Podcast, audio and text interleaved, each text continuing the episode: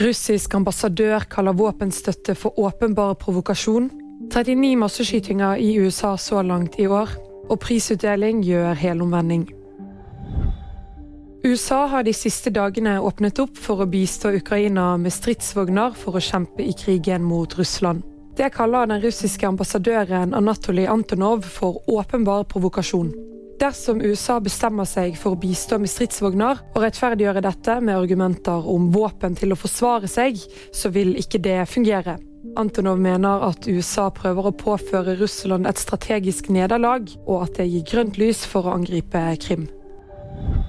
Drøyt tre uker inn i det nye året har det allerede vært 39 masseskytinger i USA, og minst 69 personer har mistet livet. Nå ber Joe Biden igjen om forbud mot angrepsvåpen. And yesterday, uh, uh, my buddy Dianne Feinstein introduced her Senate uh, uh, um, weapon, assault weapons ban. I am asking you all to send that to my desk as quickly as you can.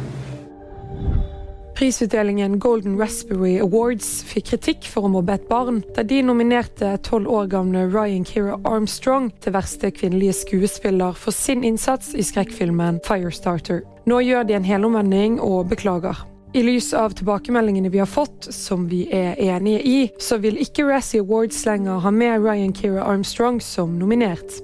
Og VG-nyheter fikk du av Hanne Sofie Andresen.